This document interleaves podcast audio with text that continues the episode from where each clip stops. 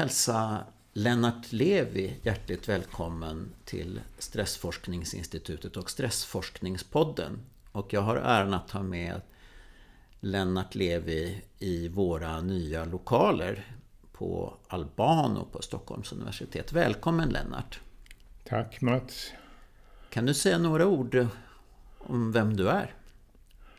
Ja, det var jag som för snart 62 år sedan grundade Stressforskningsinstitutet. Det hette då Laboratoriet för klinisk stressforskning. Och det gick till så att jag skruvade fast en liten plastskylt på min underläkardörr på medicinska kliniken. Och det var alltså så det hela började. Med en person på fritid eftersom jag hade mitt kliniska jobb att sköta. Men jag hade då drömmen om att den sociala miljön, vår hjärna och resten av vår kropp kommunicerade. Där det ena påverkade det andra som påverkade det tredje. Och att det inte gick att dra skiljelinjer mellan dem. De hängde ihop. Nå, det, jag hade den idén för att jag hade läst psykologi innan jag började läsa medicin. Det gjorde att jag var medveten om den sociala miljöns betydelse och de psykosociala faktorernas och att sådana faktiskt kunde påverka kroppsfunktioner. Det lyckades vi visa ett par år senare genom att visa upprörande filmer till medicinekandidater. Och det visade sig så att en lång rad kroppsfunktioner påverkades. Biokemin påverkades på ett sätt som ingen hade trott var möjligt. Många av oss tycker att Eh, det är nästan självklart att det finns sådana samband nu. Men det var långt ifrån självklart när du bestämde dig för att starta forskning kring detta. Själva beslutet kom 1959. Det var då jag fick mitt första jobb på Karolinska sjukhuset på medicinkliniken, invärtesmedicin. Och då såg jag mig omkring och såg att man behandlade en aspekt i taget. Var det sociala faktorer? Är det socioekonomiska? Då var det sociologi. Och var det psykologiska var det psykologi förstås. Och var det medicinska så var det medicin. Men det hela hängde inte ihop. Så jag frågade klinikchefen, professor Henrik Lagerlöf, om det var okej okay att grunda ett sånt där ämnesöverskridande, en enhet. Och han sa visst, gör det. Jag frågade samma fråga till professorn i psykiatri, Börje Kronholm, och även han uppmuntrade mig att göra det. Innan dess hade jag träffat professor Nanna Svarts, som före Lagerlöf var eh, klinikchef. Jag minns samtalet med henne. Hon titulerade alltid kandidaterna som doktor. Och då sa jag att professorn, jag tror att det som händer i hjärnan påverkas av det som händer i vår miljö och att det som händer i hjärnan påverkar vår organism. Då tittade hon på mig och sa Jag måste medge att jag inte tror på det, doktorn. Ja, varför inte, professorn? Jo, sa hon, jag är som doktorn vet specialist på kronisk blödande tarmkatarr. Och de patienterna är ju så plågade, men ändå anmärkningsvärt lugna. Och då fick jag en ingivelse och sa, tycker inte professorn att det är anmärkningsvärt att de är så lugna? Nanna Svart satt tyst i två minuter. Och så sa hon ja. Doktorn har rätt. Det är anmärkningsvärt. Och då, 1954, började hon uppmuntra mig. Och det hade stor betydelse. Hon var ju ett världsnamn ja. och jag var en medkand, nybliven. Så att egentligen var det då det började, 54. Men sen själva skylten som skruvades fast på en underläkardörr. Underläkarrummet var, precis som förmodligen är fallet nu, delat. Jag hade en annan kollega som också rumsterade där. Men det var så det började. Så jag, jag hade bett laboratorieteknikern på Kemlab, alltså en annan klinik, att tillverka en sån här skylt. Och den kom till stånd. Kan du, du har skylten med dig. Eh, kan du berätta vad det står på skylten? Det står Laboratoriet för klinisk stressforskning. Idén med att det skulle vara klinisk var inte min, det var min kollegas. Han hette Dr. Kennedy. Han sa att om du inte säger klinisk så kommer folk att tro att du bara forskar om råttor. Med klinisk så är det uppenbart att det måste vara människor också. Var du intresserad, jag gör en liten utvikning som vi kan klippa bort om det behövs, men var du intresserad av djurforskning också eller var du direkt du, du var inriktad på att forska om människor och du hade idén med dig ända sedan du läste psykologi? Djurforskning fanns det ju åtskilligt av. Ja. Och Hans Selje, han som egentligen grundade stressmedicinen, han hade forskat uteslutande på råttor. Mm. Så att om det fanns det tjocka böcker som jag faktiskt hade läst. Men om människor fanns väldigt lite. Just därför att man utgick från att det gick ett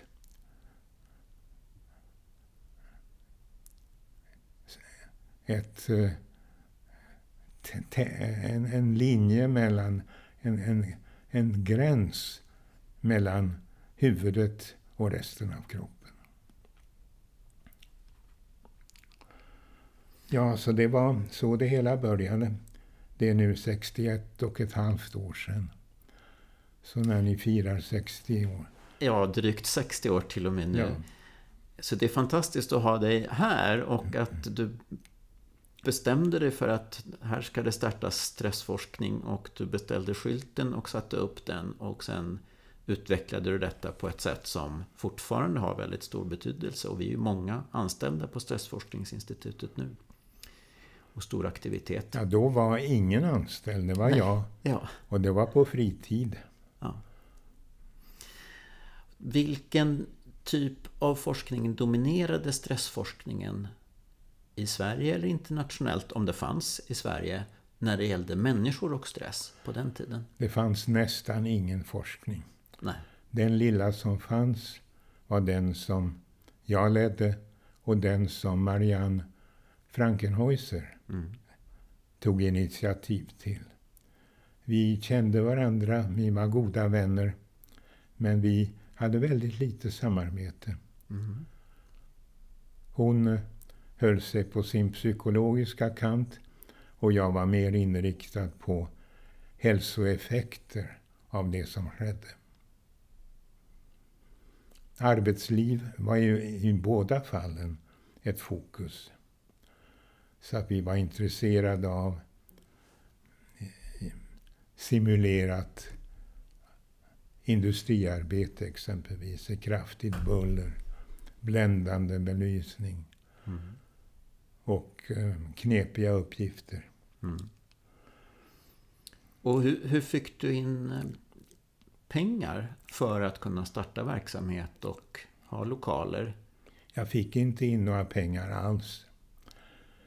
Och lokalerna disponerade jag på grund av medicinska klinikens klinikchef och psykiatriska klinikens klinikchef deras goda vilja. Mm.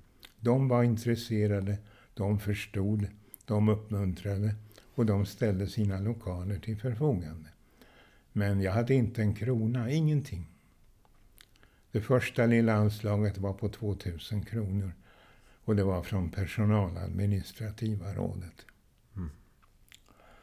Men sen växte verksamheten i alla fall. Och eh, den första större lokalen var ett solarium.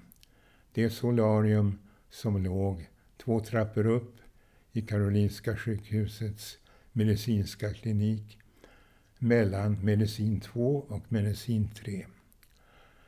Det var ett ganska stort inglasat eh, rum. Kanske 10 meter, 12 meter långt och 3 meter brett. Och det hade vi som, som eh, vad säger man?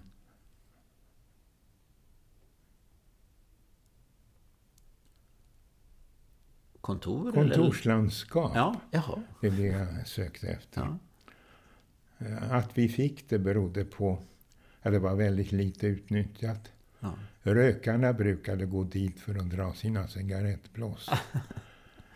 Henrik Lagerlöf var lidelsefull anti-nikotin. Mm. Så att han uppnådde två saker genom att ge mig de utrymmena. Det ena var att jag hade någonstans att ta vägen med min personal som då hade blivit lite större. Och det andra var att han hindrade rökarna från att röka där. Men sen hände någonting. Någon på Karolinska sjukhusets administration kom på idén om kopplade avdelningar. Alltså avdelning medicin 2 och medicin 3 skulle skötas från en centralt belägen expedition. Och det var just det här solariet. Så jag fick mycket kort varsel att jag måste utrymma de här lokalerna. Och vi hade ingenstans att ta vägen. Så jag frågade professor Ulf von Euler, som fick Nobelpriset så småningom i medicin. Och han sa, jo, du kan få sex rum hos mig i en nybyggnad. När kommer den till stånd, frågade jag. Om två år, sa han. Så det gick ju inte. Henrik Lagerlöf ringde Leonard Goldberg som var alkoholforskare. Jo, Leonard, jag har en kille här hos mig, Lennart Levi heter han.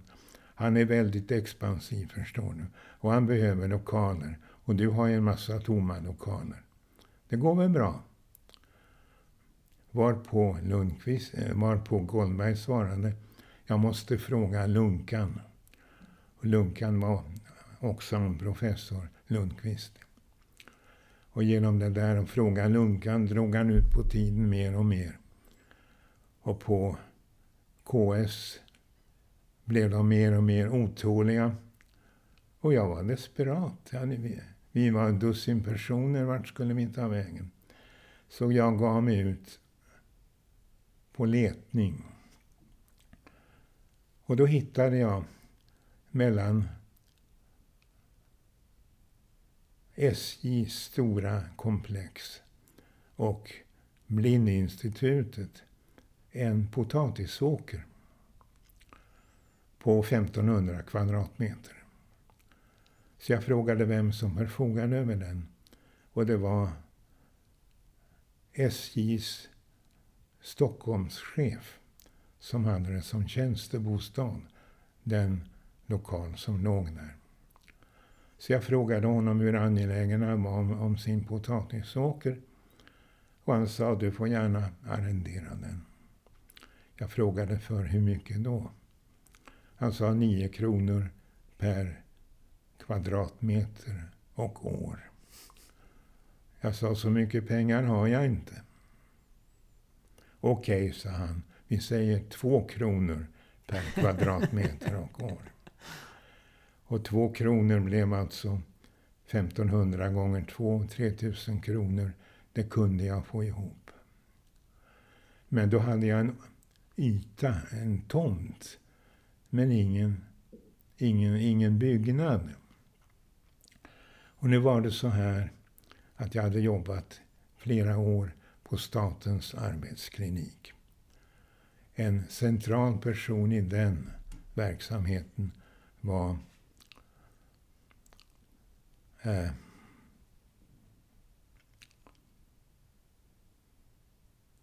ah, eh. var eh, Bertil Olsson, generaldirektören för AMS. Mycket mäktig, utmärkta kontakter med finansministern. När han behövde pengar så sa han bara att han behövde dem. Och då fick han dem. Så jag sökte upp honom med darrande ben. Och berättade om verksamheten och sa att det här borde kunna intressera även AMS. Människor känner stress i arbetslivet och det har effekter. Han tittade strängt på mig och så sa han, vad är det för adress? Tomtebodavägen 7B, sa jag. Tomtebodavägen 7B skrev han på en tomt papper. 100 procent eh, arkiv... Eh, nej, 100 procent eh,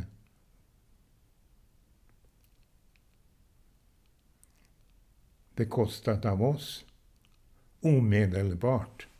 Och så med sin kraftiga handstil Bertil Olsson. Och två månader senare så stod en barack på ett, ett våningsplan med tolv rum. Fantastiskt. Tolv rum till vår disposition. Och så obyråkratiskt. Jag frågade Han sa att ni får det ju inte gratis. Någon måste betala hyra. Och då kom nästa fråga.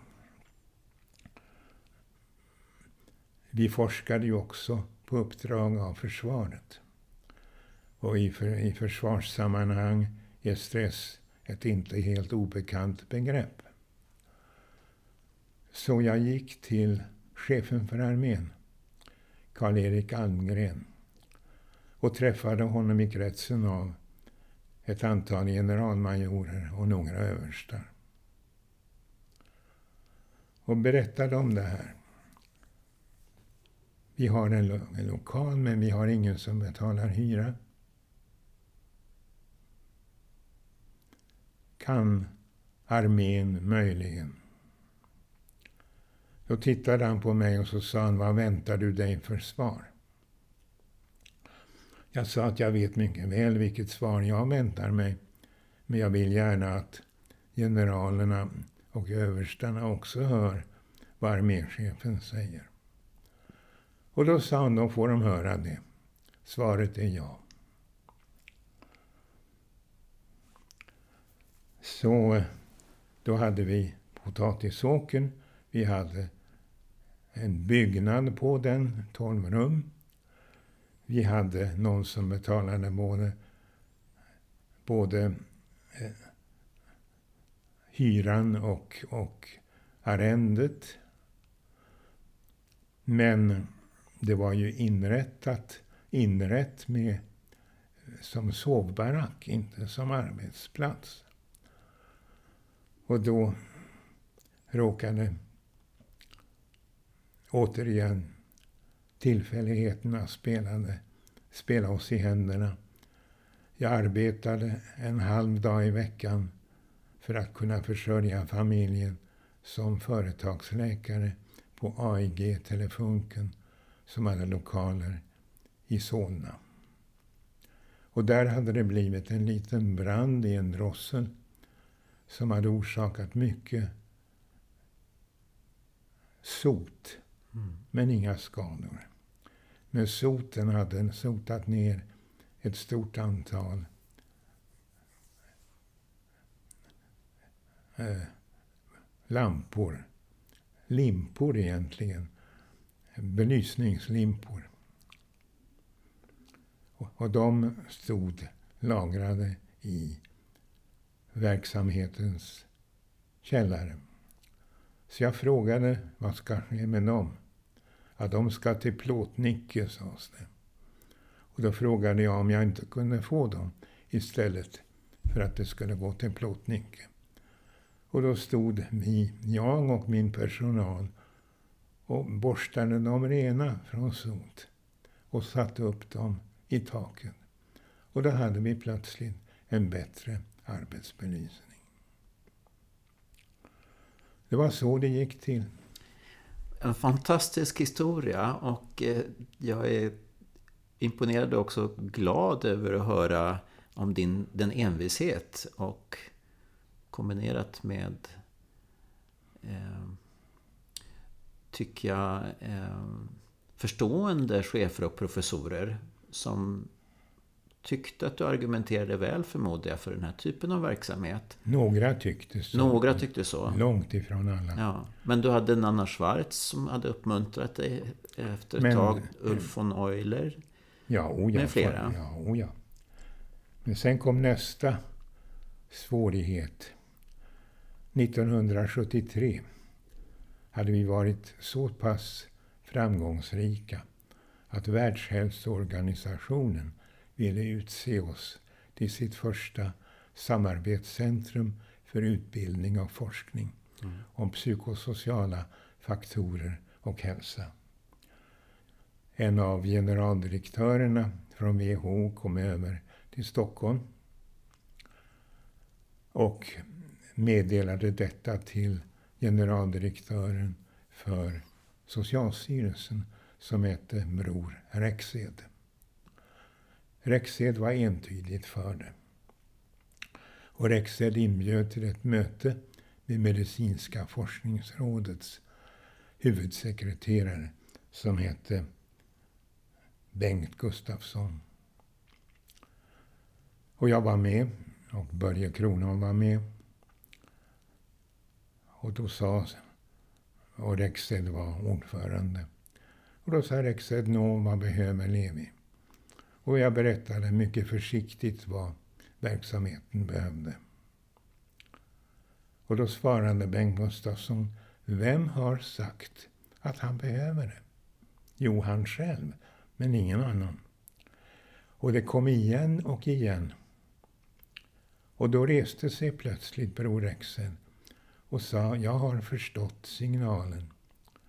Medicinska forskningsrådet är uppenbarligen inte berett att inrätta en tjänst åt Lennart Levi, en forskartjänst. Så det ordnar jag genom socialministern. Sammanträdet är avslutat. Oj.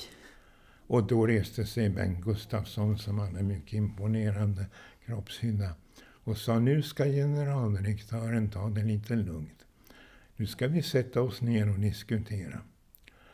Och den diskussionen utmynnade i att jo, jag fick ett förordnande på ett år med den lägsta lön en docent kunde ha. Men dock ett beslut från Medicinska forskningen. Och det var så efter detta som verksamheten kunde utses till ett samarbetscentrum. För Världshälsoorganisationen. Ja, det ja. var ju ett viktigt steg förstår jag. Mycket viktigt. Steg. Ett erkännande. Och då satsade, arbets, då satsade Världshälsoorganisationen 30, nej, 6 000 dollar. Mm. Jag minns att det då var ungefär 30 000 kronor. För det köpte jag en elektrisk skrivmaskin. Några andra pengar fick vi inte. Så att det där med ekonomin var hela tiden en stor, stor huvudvärk. Mm. Det förstår jag. Och... Det tror jag inte du förstår. För löner, lönerna måste ju betalas. Utgifter fanns. Men inga säkra inkomster. Jo, för projekt kunde jag ju få pengar. Mm. Men inte för, för någonting annat. Och hade du samarbeten internationellt då? Ja. Eh, Och det var därför WHO fick upp ögonen för WHO, din och er verksamhet? Vi, vi blev ju WHOs första och ganska länge enda samarbetscentrum. Nummer två kom i Bryssel, Mm. i Belgien. Vilka länder jobbade du med? Ganska mycket de europeiska. Mm. Och där kom också 1991 eller 92 så var EU under belgiskt ordförandeskap. Arbetsmarknadsministern hette Meet Smith och hon tog initiativ till ett möte om stress i arbetslivet. Och det hamnade därigenom på kartan. Jag var en av huvudtalarna. Mm. Och hon stödde det utan tvekan. Och så småningom blev ju stödet mera substantiellt. Tyckte du att det var ett, ett liknande forskningsintresse som växte fram i de andra europeiska och kanske i nord, de nordamerikanska länderna Jag tror att vi gav, för frågorna? att vi gav dem draghjälp Ja. genom att vi fanns och publicerade. Så blev det lättare för dem att säga ja men svenskarna gör ju det. Mm. Och WHO gör ju det. Och EU är intresserad. Had- Hade du samarbete med Hans Selje? Eh, Det hade jag. Kan du säga något ord om det? Han var en underbar, generös människa. Han arbetade i stort sett dygnet runt. Nej, inte dygnet runt, men från sju på morgonen till sju på kvällen. Sju kvällar, sju dagar i veckan. Mm. Jag träffade hans hustru. Hon såg inte mycket av honom. Nej. När klockan sju varje morgon så satte han sig i en bekväm fåtölj, bredde ut de papper han hade att jobba med framför sig, solfjäderaktigt, och började diktera. Jag tror att han författade 1300 vetenskapliga arbeten och han skrev säkert ett tjugotal böcker. Han brukade säga Bibeln begär för mycket. Du ska älska din nästa så som dig själv. Det är att ta i. Gör man det kan man kanske gå under. Men, sa han, det finns en bra alternativ. Och alternativet lyder, gör dig förtjänt av din nästas kärlek. För gör man det så får man kärlek tillbaka. Och då blir det bra för alla inblandade. Mm.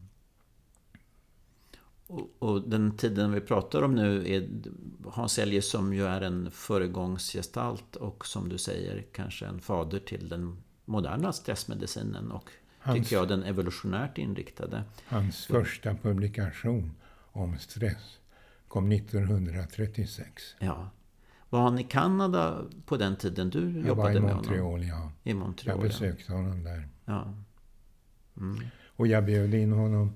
Jo, vi ordnade ju just genom WHO en serie på fem veckolånga symposier. Mm. internationella sådana. Och det var ju i sig alltså att få framstående forskare att komma för en hel vecka. Inte en dag eller två, en vecka. Och idén var att de skulle komma med sina inlägg i skriftlig form i förväg. Mm. Och sen skulle veckan ägnas åt diskussion Mm. mer än presentation. Utmärkt. Och det ledde då till fem veckolånga symposier Där Bror Rexed spelade en stor roll. Mm. Och WHO förstås, generaldirektören. Och så småningom mjuknade också medicinska forskningsråden. Han är inte så dum ändå, den där killen. så att efter ett tag så föreslogs jag både av Medicinska forskningsrådet och av UKÄ, Universitetskanslersämbetet, till en professur. En personlig professur. Mm. 1978. Hur löd den professuren? Psykosociala faktorer och hälsa. Men, jo, det blev jag uppringd kvällen före av någon höjdare någonstans som sa grattis till professuren. Jag sa, vet du att den kommer? Jo, jag har sett delningen. Och så kom delningen och där fanns ingen professur. Professuren var borta. Aha. Och då sökte jag upp socialministern och frågade, är det du som har tagit bort den? Nej, sa han, det har jag inte.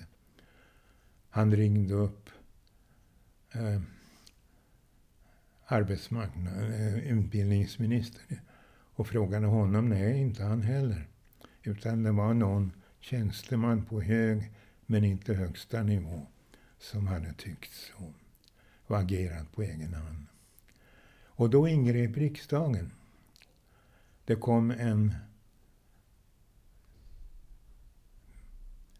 motion från Socialdemokraterna undertecknad av tolv riksdagsledamöter och en fyrpartimotion från Centern, Folkpartiet, Socialdemokraterna och någon mer.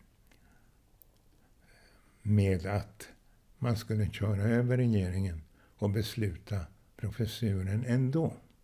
Ja. Och det gjorde man.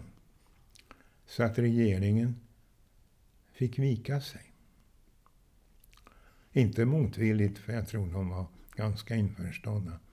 Men dock. Mm. Jag vet än idag inte vem de var som fuskade bort det ursprungliga förslaget. Nej. Men det har alltså varit strid på punkt efter punkt. Mm, jag hör det. Jag har ytterligare några frågor kring det, men jag tänkte att vi kan... Om vi, jag tänkte att jag ska fråga nu om det här som har frågat alla om något särskilt starkt minne. Det kan vara någon anekdot eller någonting och sen så någonting om kultur. Och sen om du tycker att det är okej att fortsätta en liten stund till så kan vi prata lite mer om historien och har någon fråga kring det. Går det bra? Visst. Har du något särskilt starkt minne från din tid som föreståndare och som forskare som du vill dela med dig av?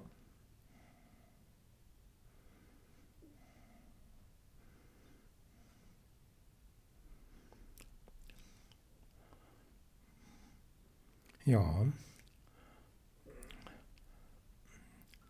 Regeringen tillsatte ju en utredning om stressforskningens framtid. Den, I den ingick fem departement, vilket är ovanligt. Och där var intresset, ska vi säga, ganska svagt. Så det var uppenbart att Jodå, de skulle föreslå en sammanslagning mellan stressforskningen och institutionen för hygien på Karolinska institutet. Och de var tio gånger så stora som vi. Så jag förstod att skulle det bli av, då skulle de bli obetydligt större och vi skulle förvandlas till något obefintligt. Så jag sa nej. Och då blev det upprördhet. Vad menar han? Han ska vara tacksam. Och då, vi, då gick jag återigen till ministern, till socialministern. Och han ändrade då utredningen så att den skulle ledas av en man som sen blev landshövding. Och han förstod det här och intresserade sig för det. Och han var till slut beslut, eh, villig att föreslå en verksamhet med tolv tjänster. Tolv fasta tjänster, av vilka tre skulle vara på chefsnivå. Alltså professur eller laboratur. Och jag var lycklig. Men sen var motståndet stort. Och av tolv blev det elva. Och tio. Och nio. Och åtta. Och till slut sa jag okej, okay, åtta då. Och så blev det åtta. Regeringen föreslog det och riksdagen beslöt det. Och då kom nästa chock. Någon på hög nivå gjorde mig uppmärksam på att det här var ett principbeslut. Det var inte några pengar. Jaha. Och då bad jag de jag kände i riksdagen att agera. Och så föreslog de då pengar. Men det prutades ner till inte åtta tjänster utan sex och en halv. Oj. Det fattades alltså. Och det gick inte att påverka. Man hade bytt socialminister och den nya socialministern var inte intresserad. Så att trots att riksdagen hade beslutat åtta tjänster så fick vi bara sex. Och detta var ett helvete eftersom vi hela tiden var ekonomiskt underförsörjda. Det fanns löner att betala ut, men inget att göra det med. Men till slut kom också det på rätt bog genom eh, en ny socialminister. Så det var mycket personberoende. Ja, jag hör det. Har du några minnen av hur kultur har förekommit i verksamheten? Det förekom knappt alls. Nej. Men däremot i min verksamhet förekom det. Ja, 1954 tog jag jobb som sjuksköterska på Beckomberga.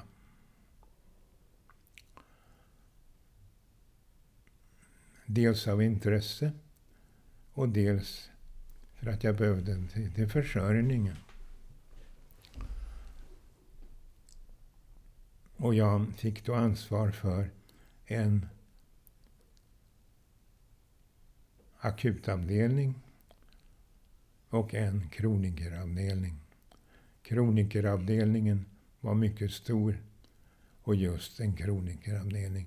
Där hände ingenting. Nej. Man gjorde ingenting. Jo, man gav B-vitamin. Men det hade ingen effekt. Men man gjorde det ändå.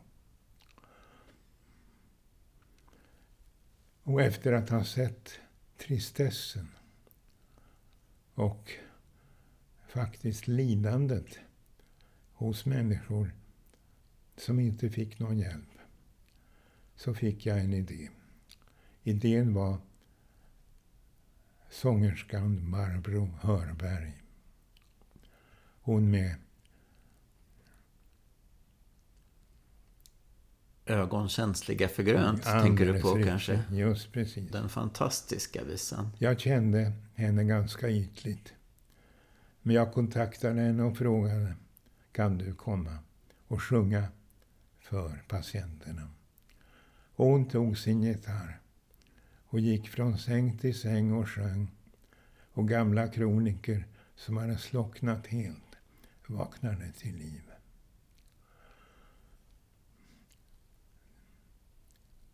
De övriga sköterskorna, som inte var vana med en man som tog initiativ, sa den där karn, den där karn, han hittar på.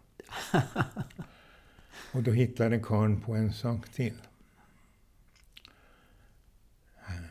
Jag var ibland på Gotthem, restaurangen på Djurgården. Och där på kvällarna sjöng en italiensk sångare som hette Marangoni. Så jag frågade honom om han som ju inte hade något att göra på dagtid, om han kunde komma till Beckomberga. Och han kom tillsammans med fem andra italienare. Med musikinstrument och spelglädje till tusen. Och ställde sig på Beckombergas stora eh, gård och spelade. Jag hade inte frågat någon om lov. Återigen blev det en massa miner om detta. Men det var mycket uppskattat. Och sen skulle jag ju sluta där. Och då hade jag ju observerat att de fick ju aldrig några blommor, kronikerna. Och jag gav B-vitamininjektioner. Och de gavs, de fanns i små bruna glasflaskor. Som kunde tjäna som vaser. Så jag sparade ett par hundra sådana. Och åkte sen till Klarahallen och köpte rosor Angerå. Och då kostade de en bråkdel av vad de kostar i affären. Och så köpte jag en ros till var och en och som sattes ner i den lilla bruna flaskan och hamnade på vars och ens nattduksbord. Och jag tror att, ja, jag vet inte om det är kultur, men någon form är det väl. Det tycker jag nog och det visar ett omhänder, en vilja till omhändertagande och att se till kanske hur vardagen tes, ter sig även om man inte blir frisk av att ha det lite mindre tråkigt och uppleva lite mindre tristess. Så är det ju en väldigt mänsklig och viktig handling på det sättet. Och sen blev jag lite äldre och började föreläsa för medicinstuderande och kandidater. Och eh, fann då att bara berätta om symptom funkade inte så bra. Så jag fick idén att engagera en skådespelerska, även hon personlig vän, Emelie Lagergren. Och hon kom. Och på min instruktion började hon gråta. Och på min instruktion började hon bli rädd.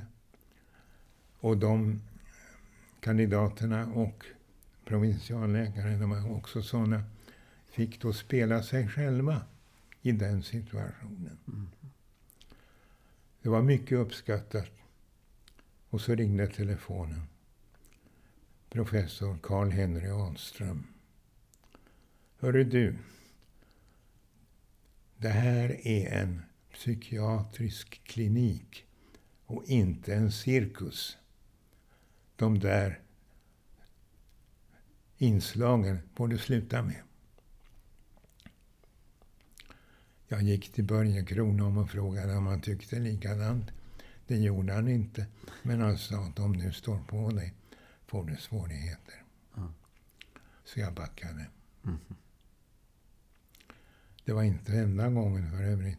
Också 1954. Jag var alltså nybliven medicinkandidat och ville då ordna kurser i psykosomatisk medicin.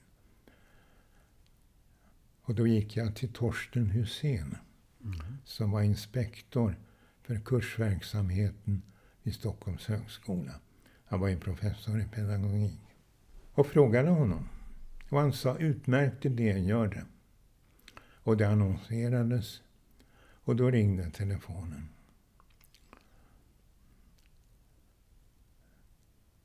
professor Ire på Sankt Eriks sjukhus. Du får komma och berätta för om dina, dina planer för oss. Det var han och Al, Al, Ahlström och ett par till. Och där satt jag i fokus med en halvcirkel av kritiska psykiater omkring mig. Och han började förhöra mig. Men jag hade ju läst på och kunde svara ganska bra. Och till slut så sa han, det du planerar är bra, men du är för ung för det. Sånt där ska vi göra, vi som erfarna. Så om du gör det kommer vi att protestera genom att avråda medicinkandidater från att gå dina kurser. Så vänta och se tiden an och mogna till. Ja, återigen hade jag valet. Ta strid eller låta bli. Jag tog ingen, ingen strid. Nej. Nej det och det blev ingen kurs. Det blev ingen kurs. Nej, det var synd. Kan vi återvända till det förra temat lite kring historik och stressbegreppet tänkte jag på. Och sen avsluta. Går det bra? Jag har en fråga angående goda och nyttiga effekter av stressreaktionen i kroppen. Som jag vet att du tidigt var intresserad av och engagerade dig i. Ibland har uttrycket eustress använts. Stämmer min uppfattning om att du var tidigt ute med att poängtera de positiva effekterna och inte bara fokusera på de negativa effekterna? Och hur gick det till? Ja, det gjorde ju Sälje före mig. Ja. Det var han som präglade uttrycket jostress. Mm. Han brukade säga att en kärlekskyss höjer blodtrycket ungefär lika bra som en skrämselchock.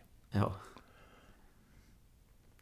Nu är ju skillnaden den att plågad kan man vara i timmar, dagar, veckor, månader och år. Men att gå omkring och vara lycklig månader i taget är lite knepigt. Så att det här med den negativa stressen är ju kliniskt sett en viktigare fråga. Mm. Även om den andra är intressant. Mm. Så att jag hade båda med men fokuserade på det negativa. Mm.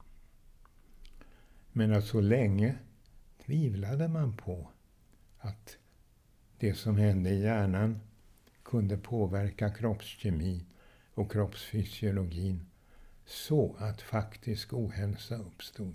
Mm. På det sättet har det hänt väldigt mycket under Oerhört de gångna åren. Mycket, de här 60 och de plus här, åren. De här fem veckolånga symposierna som alltså resulterade i fem volymer. Mm. Utgivna av, ja med mig som redaktör och med Oxford University Press som förläggare. Mm. Spelade ju stor roll. Jag förstår det. Och där spelade också roll att Trygg Hansa ställde upp med ungefär en miljon kronor. Vilket på den tiden var fantastiskt mycket pengar. För att bekosta de där fem symposierna. Mm. Det gjorde de. Mm. Då skulle jag vilja tacka dig. Stort tack Lennart Levi för att du ville medverka i Stressforskningspodden. Det var bara roligt. Tack. Jag noterar att era resurser är något större än de jag förfogade över. Ja, jag tror det. Men de har vi tack vare dig. Så att jag mm. säger tack.